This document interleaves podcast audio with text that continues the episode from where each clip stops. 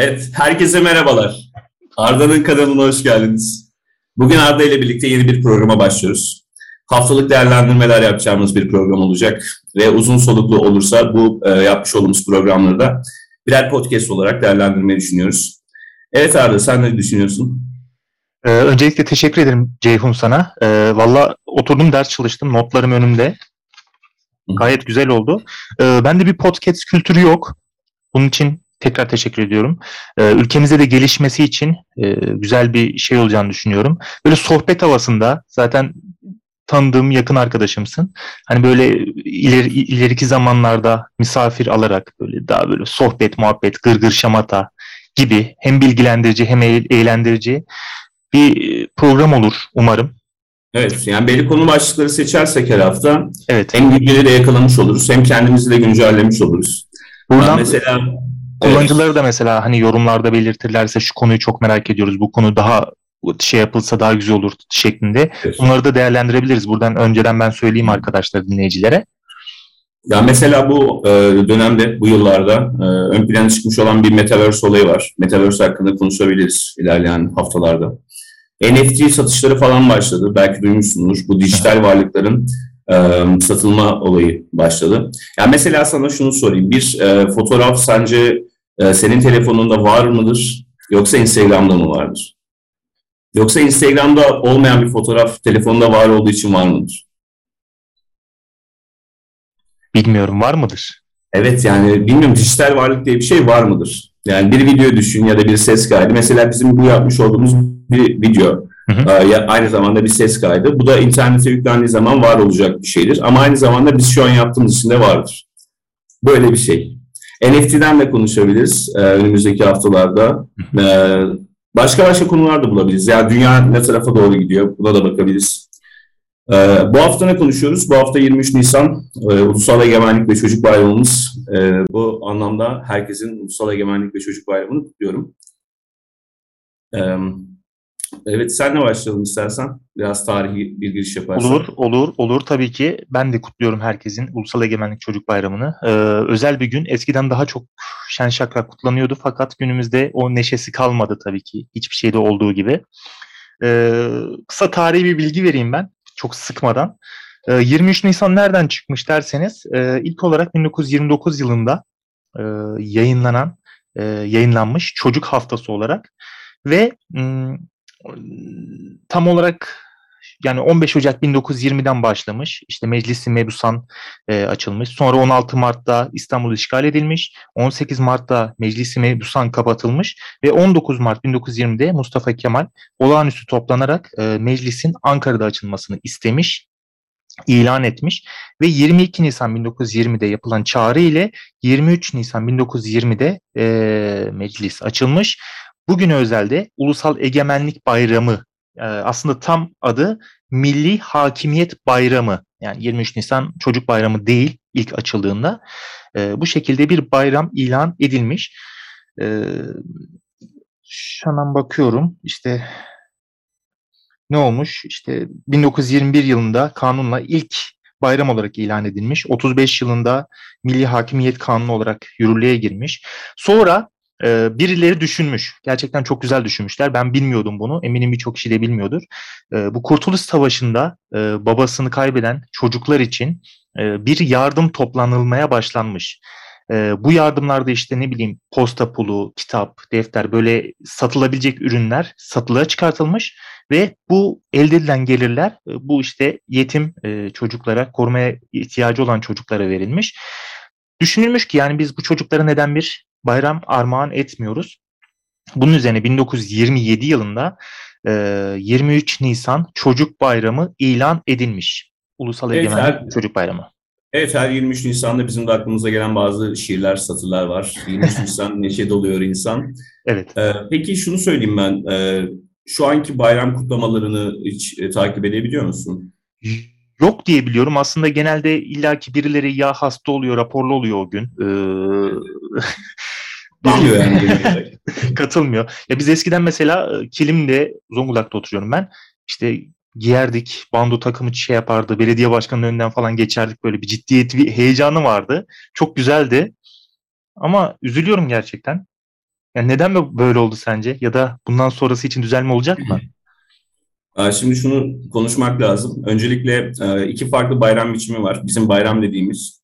Bunlardan iki tanesi işte Kurban Bayramı ve Ramazan Bayramı. Bunlar dini bayramlar ve bu dini bayramlar her yıl değişiklik gösteriyor biliyorsun takvime göre. Evet. Ama şeyde milli bayramlarda böyle bir şey söz konusu değil. O yüzden 29 Ekim'in ne bayramı olduğunu, 23 Nisan ne bayramı olduğunu biliriz.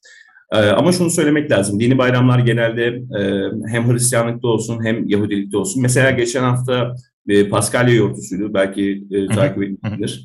İşte bu Paskalya yortusu, Noel, bu tür bayramlar mesela genel olarak ticaretin canlanmasını da sağlıyor. Ve ailelerin birleşmesi amacıyla yani dini bayramlara giden insanlar işte ne bileyim Noel'de ailelerine kavuşuyor. Bizler Ramazan bayramında, Kurban bayramında aile ziyaretlerinde bulunuyoruz. Akraba ziyaretlerinde bulunuyoruz.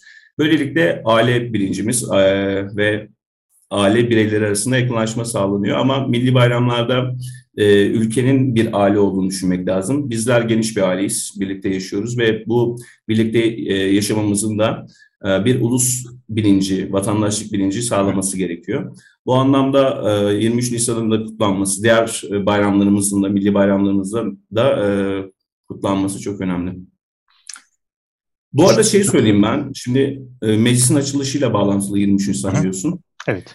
Türkiye'deki parlamenter gelenek, bu Abdülhamit döneminde başlayan bu parlamenter gelenek şu anda bypass edilmiş durumda. Meclis kavramından bahsedemiyoruz. Hatta biraz da kelime anlamı olarak söyleyeyim. Meclis kelimesi Yeniçerilerin e, almış oldukları cülüs bahşişinden geliyor. Duymuş muydun daha önce? Bilmiyordum. Mesela cülüs bahşişini işte bir padişah e, nasıl diyeyim başa geldiğinde Yeniçerilere dağıtıyor. E, ve bu cülüs aynı zamanda toplantı anlamına geliyor. Meclis de toplantı yani toplanılan yer anlamına geliyor aslında kelime anlamı olarak. E, ama bunun e, işte Fransızca versiyonu ya da e, ya da şöyle söyleyeyim, Latinceden gelen bir kelime var, parlare kelimesi. Parlare konuşmak demek. Parlamento ise konuşulan yer anlamına geliyor. Bizim meclisimizde ise biliyorsun konuşmalar genellikle kavga dövüş şeklinde. Ee, Şaşmaz. Yani Evet şeyi biliyorsunuz belki e, Sırrı Süreyya Önder diyor ya gel hele gel. e, herkes o modda yani mecliste. Ki meclis e, meclislerde yani şu anda bizim ülkemizdeki mecliste de en önemli tartışmalar belki takip etmişsindir genelde bütçe tartışmaları oluyor. Bunun sebebi de Türkiye'nin dönüp dolaşıp ekonomik problemlerinin konuşulması anlamına geliyor. Yani 23 Nisan'ın bir bayram olduğunu biliyoruz, kutlamamız lazım ama ülkemizde bayramlar da kutlanamıyor şu anda.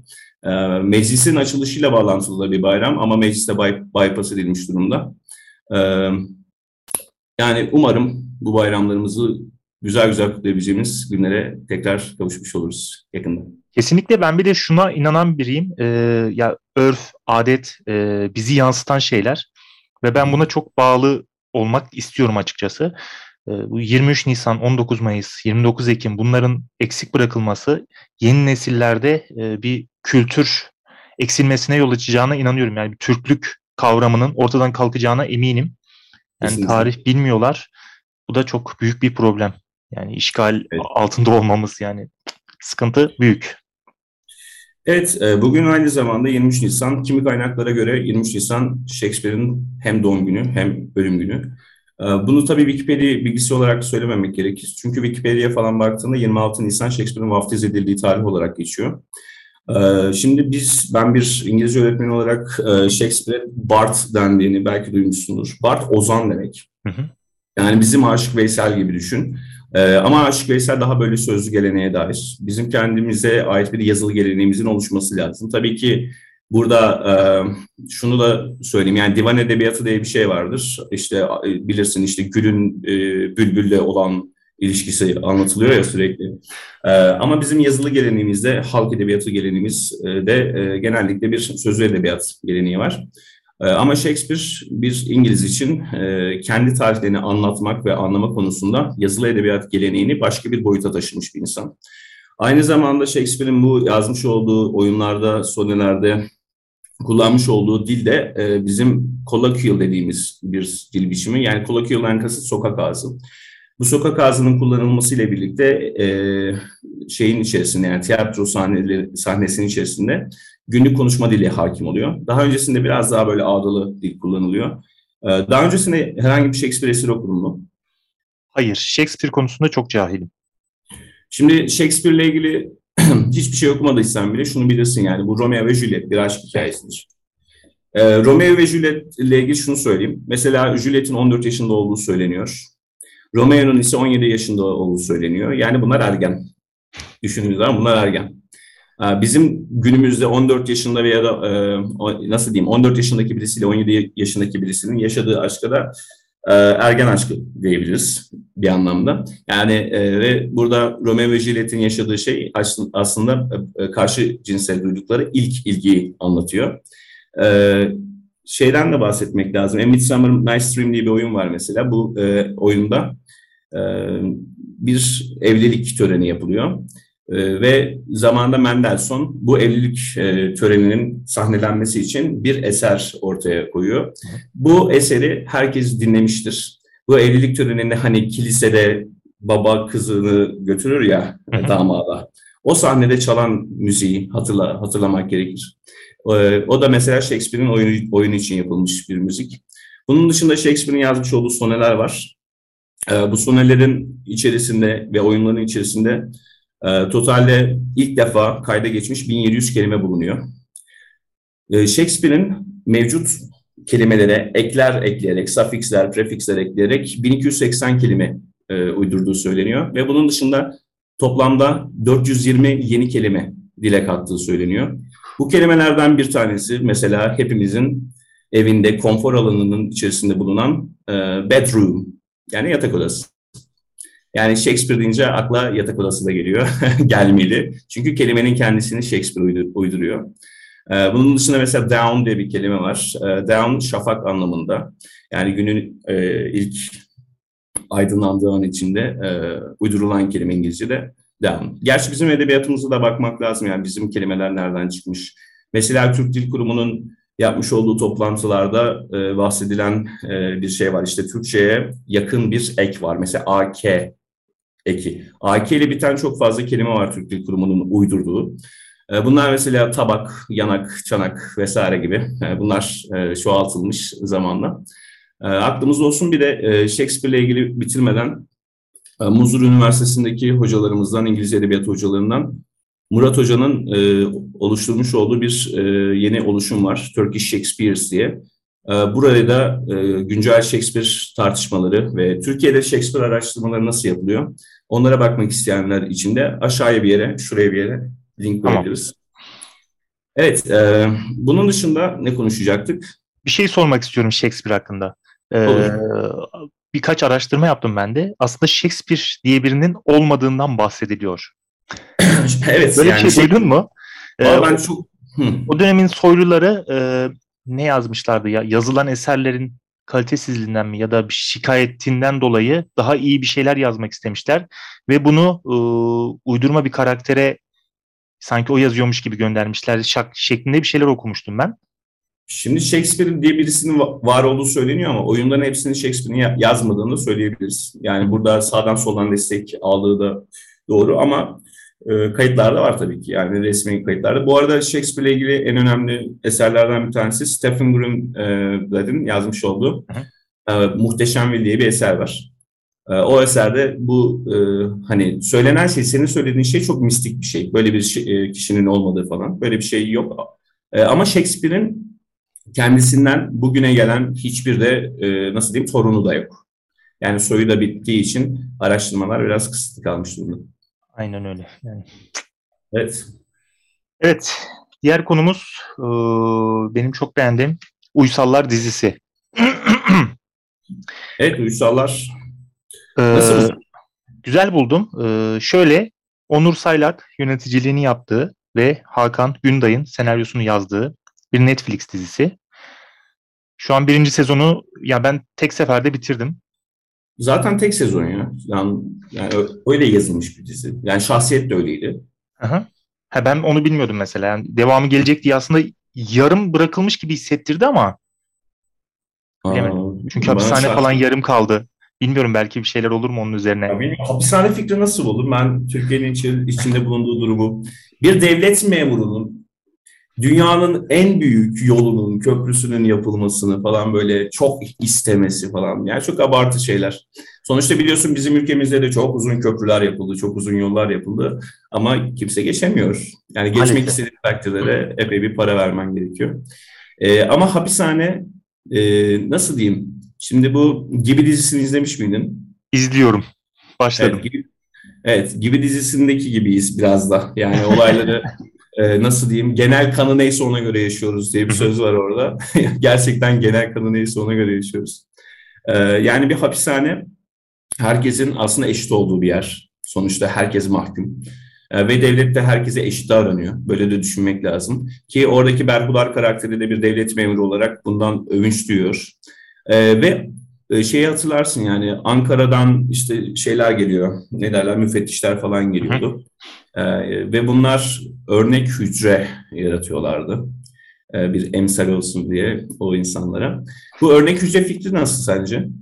Ya tam bir böyle bu ağ olmazsak. aynen aynen. Yani böyle, tam satış için yani yapılan bir şey. Ya insanı suça teşvik eder. Ya insan der ki burada yatmak istiyorum ben gibi bir şeyler. Ya çok tuhaf bir örgü olmuş aslında. Yani hmm. Avrupa'nın en büyük, en güzel hapishanesini yapma fikri. Doğru. Bilemedim. Yani Peki yani yani e, şeyde yapmayalım, spoiler da vermeyelim izlemeyenler evet. için ama e, karakterlerin kendi dünyasının içerisinde bir hapiste yaşadığını söyleyebiliriz. Kesinlikle orada ben sana aslında fikrini almak istediğim bir soru var. Şimdi bunlar sürekli bir fotoğraf çektiriyor. Bir fotoğrafçının önündeler. Ee, sence bu fotoğraf çektirmenin, e, videoya aldırmanın olayı ne? Bir de o fotoğrafı çeken kadın sürekli kulaklıkla oynuyor. Evet. Sinir krizi geçirttiriyor insana. evet. Yani bilmiyorum mantığını. Ama ben şunu şunu söyleyeyim. Yani mutlu aile fotoğrafı var ya. Mutlu aile fotoğrafı. Ben şu şekilde şey... yorumladım. Yani dışarıdakiler çakmasın davayı ya. İşte biz iyi görünelim ama arka tarafı Aynen öyle. böyle Aynen. bir şey olabilir mi acaba? Olabilir. Benim aklıma şey geldi. Bu fotoğraf çekme sahnesinde E, şeyin neydi babanın ismi? E, Olcay. Hı hı. E, Olcay evleniyor ve eşi e, ile birlikte ilk defa yani eşi ilk defa o fotoğraf karesinin içerisine girdiği zaman e, çocuğun yani Oktay'ın çocuğunun söylemiş olduğu bir e, söz var. Biz burada bir şirket gibiyiz. Evet. Evet. Aslında aile gibi değil, şirket gibi de bir aile olmuş oluyorlar. Güzel yani e, yapılan eleştiriler, göndermeler güzel. E, bazı ben incelemeler okuduğumda karakterlerin e, çok karikatür edilmiş olduğunu e, gördüm. Eleştiriler arasında bunlar da var. E, özellikle baba olma fikri. Mesela e, dizinin ilk sahnesinde Oktay'ın kendisi bir havaalanında ve bir çocuk görüyor. Çocuğu gördüğü zaman bir ailesi olduğunun tekrar farkına varıyor ve evine dönüyor. Ee, aynı zamanda Oktay da kendi babasıyla iyi bir ilişkiye sahip değil ve biz öğreniyoruz ki Oktay'ın babası Olcay'ın e, babası yani Oktay'ın dedesi de iyi bir baba değilmiş. E, bunun dışında baba e, olma fikrini Berhudar da taşıyor ve Oktay'a sen benim oğlumsun yaklaşımında. Sürekli baba olma ya da nasıl iyi baba olunur bundan da bahsediyor ki sen de bir babasın ne düşünüyorsun? yani aslında ben de şurada sana şöyle bir soru sormak istiyorum. Ya, dizideki karakterler gerçekten maddi durumları çok çok iyi. Yani işte residence'larda yaşıyorlar, yukarıdan bakıyorlar dünyaya. Sence para insana mutluluk getirmez mi? Yani ee, böyle para... sap, sapıtmaya ya da özlem, eski özlem duyma gibi bir şey mi olur? Ya ben eski günleri özlüyorum gibi bir şeyler mi? Yani ne olur sence? Aslında ben parayla ilgili yani mesela dizideki evet Oktay'ın bir parayla ilgili der, derdi yok ama arkadaşına söylemiş oldu ki e, şöyle bir söz söylüyor arkadaşına. E, kredileri hala ödemedik diye. Hatırlıyor musun o sözü? Evet. Evet krediler bitmediği zaman o şeye de sahip olmuyorsun. Yani e, bir ev satın almışsın, bir rezidansta oturuyorsun ama kredinin bitmediği için o şeyi satın almış olmuyorsun. Haliyle bunlar o zenginliği de tam yaşamamış oluyor. Yani bir şeye sahip değiller. O yüzden de diyor ki kaybedecek hiçbir şeyimiz yok. Çünkü hiçbir şeye sahip değiliz. Evet, evet onu da diyor. Evet, e, yani mesela punk konusu, yani Oktay'ın geçmişinde bir punk merakı var ama e, bu işte bir e, Ankara'ya gidiyor işte biliyorsun. Hı hı. Ankara'da o geçmişinin e, izlerini görüyor. E, ama biraz sanki punk olayı biraz havada kalmış gibi. Bayağı havada kalmış gibi. bir de ben şu şeyi anlamadım. Bu e, bu Twitter yazısı çok dillendirildi. Yani orada ne anlatılmak istenmiş olabilir sence? Ha, tweet atmış. E, evet. O tweet hakkında tutuklanacağını söylüyor ama hiçbir şekilde o Twitter'ın ne olduğunu ne tweet attığı hiç kimse söylemiyor. O evet, ne anlama geliyor sence? Mesela Gibi dizisinde de e, bir bölümde e, Yılmaz karakteri bir sokak röportajı veriyor ve daha sonrasında sokak röportajından dolayı linç yiyor. Biraz galiba linç kültürüyle alakalı çünkü hepimiz her an linç yiyebiliriz. Söylediğimiz herhangi bir fikir için linç yiyebiliriz. Ee, yani toplumda buna alışmış durumda ee, ama belli bir süre geçtiği zaman linçlenen karakterleri falan hatırlamıyoruz. Ee, öyle de bir şey yani ya da linçlenen kişileri. Ee, mesela destek olduğumuz kişileri falan da hatırlamıyoruz. Belki hatırlarsın sokakta bir e, kadınla erkek kavga ederken araya girmiş bir karakter, pardon araya girmiş biri vardı e, şey Kadir Şeker. Ve Kadir Şeker'in kendisi e, orada kadını savunayım derken hani nasıl diyeyim bir, bir şekilde suçlu duruma düşmüştü. E, yani biraz bu şey e, nasıl bu linç kültürüyle bağlantılı ya. Hem e, atılmış olan bir tweet var. Ne olduğunu bilmemize de gerek yok. Ama orada bize hissettirilen duygu e, o adamın linç yediği ve mesela toplumun içerisine girdiği zaman tüm gözlerin o adamın üzerinde olması falan. E, ama fena değildi yani şeyin. İbrahim neydi e, oynayan kişi? İbrahim Çelik miydi? Başroldeki şey hemen söylüyorum. Yok şey bu tweet atan. Evet evet o talk show'u da var. Evet İbrahim bir şeydi. İbrahim Selim değil mi? İbrahim Selim. Evet. Bence fena değil yani. Evet. Kendisi, çok zaten. Kendisini yani, kanalımıza davet ediyoruz buradan. Sayın İbrahim evet. Selin. Sizinle bir e, podcast yapmak çok isteriz efendim. Evet.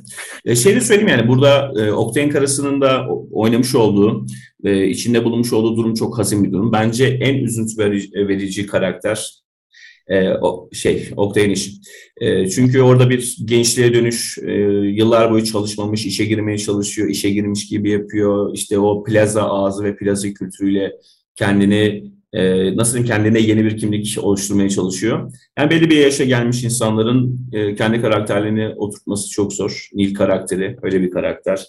E, bir de çocuk var. Çocuğun e, e, çocuğun ismi neydi bu arada? Bakalım. Bir de şey e, sonradan görme gibi bir şeyler de diyebilir miyiz sence? Yok ben sonradan görme davranışlarının çok olduğunu düşünmüyorum ya. Ya, ya şey ben... söyleyecektim. Ha. Ege Uysal diye bir karakterdi.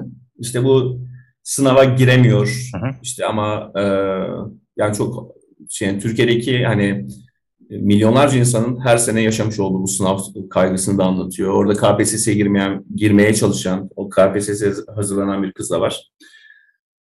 Ee, bunun dışında bir de şey işte çok orijinal bir fikir değil miydi ya? Ufak kızın e, komşularına gidip hayatı evet. öğrenmek istiyorum demesi ve tüm evet, komşuların bir şekilde ona hayatı göstermesi. Çünkü hayat yüzümüze kapanan kapılarla e, bizi meşgul ediyor genel olarak. Ya güzel evet. evet. Bir de evet. şey e, Fight Club'ın çakması mı? Ee, bilmiyorum yani çok zorlama bir yorum olmaz mı? Ya, yani çünkü ikili karakter, iki farklı yaşam. Ya genel olarak birinde aykırılıklar var, birinde stabil bir hayat. Aynen ben bunu şeyde de söyledim sana hatırlarsın. Severance dizisinde de benzer bir e, şey var. Orada da bir asansör ve bu asansörle birlikte iş hayatının ve sosyal hayatın ayrılması söz konusu. Hatta kelime anlamı olarak Severance kafanın kopması anlamına da geliyor. Ee, yani genelde hepimiz ikili hayatlar yaşıyoruz. 24 saatlik bir zaman içerisinde bir sürü karakterimiz, bir sürü kişiliğimiz oluyor. Ee, şey diyecektim ya, e, bu Severance'ı izlemedin galiba. Yok, hayır. İzlemedin. İstersen bir sonraki bölümde Severance'a da, Severance hakkında da konuşabiliriz. Hı hı. Ya da e, bu şeyde, gene güncel bir şey söyleyeyim, Yakamoz dizisi çıktı. Kıvanç Tatlıtuğ'un oynadığı Netflix'te gelen. Evet çok Ona da bakılabilir. Evet. Orada da gene e, yönetmenler yönetmen hakkında Tolga Karaşelik hakkında da konuşuruz biraz. Güzel bir e, şey var. E, nasıl diyeyim? Güzel bir ambiyansı var. Hı. Bundan da bahsedebiliriz. Peki e, son olarak Aleyna Tilki'den bahsedeceğiz. Evet, o olmadan olmazdı. Şimdi Aleyna Tilki'nin şarkıyı kulaklıkta dinlesen nasıl hissederdin? Klibi izleyince daha mı farklı hissederdin? Ya şöyle e, İngilizce şarkılarını ben pek beğenemiyorum. Neden dersen e, ya tabii kişiden kişiye göre değişiklik gösterebilir ama e, böyle bir ritmikli bir, bir şey yok yani ne yani tarzı tam anlayamıyorum yani hani böyle pop desem ya da R&B desem. nedir, yani. nedir yani? Pop desem yani ne olduğu belirsiz yani böyle ne bileyim bir bas efekt ekleyip hiç çoktan gençlerin arabada dinleyebileceği şöyle baslı bir şey yapsa daha hoş ola- olabilirdi gibi. Evet, e, Take It or Leave It. Yani ben klibe baktım önce. Zaten e, YouTube Trending bize bunu direkt önümüze çıkartıyor. Daha önceki şarkısı da güzel değildi. Retrograde şarkısı. Evet evet. Ama Aleyna Tilki'nin kendisinin aslında bu bir e, global kariyer yaratma çabası var ki bunu da şeyle görmüştük. E, yani geçtiğimiz yazın ya da nasıl diyeyim geçtiğimiz bahar başlayan e, bir şarkı var İbo Lipa, İbrahim e, Tatlıses'le Dua Lipa'nın bir şey yapıldı, mashup remix'i yapılmıştı. Yapan da Emrah Karaduman'dı. Hı hı. O dönemde mesela Retrograde şarkısını yanlış hatırlamıyorsam e, Dua Lipa'dan alıyorlar. Haliyle bunlar yani bu pop dünyasının içerisine katılmaya çalışıyorlar. Biraz biraz bizim e, şeylerde ım, ülkedeki fenomenler ya mesela Kerimcan Durmaz'ın da bir böyle bir İngilizce şarkısı vardı. Prodüksiyon anlamında kusursuz bu, bu arada Hı hı. e, Kerimcan'ın şarkısı.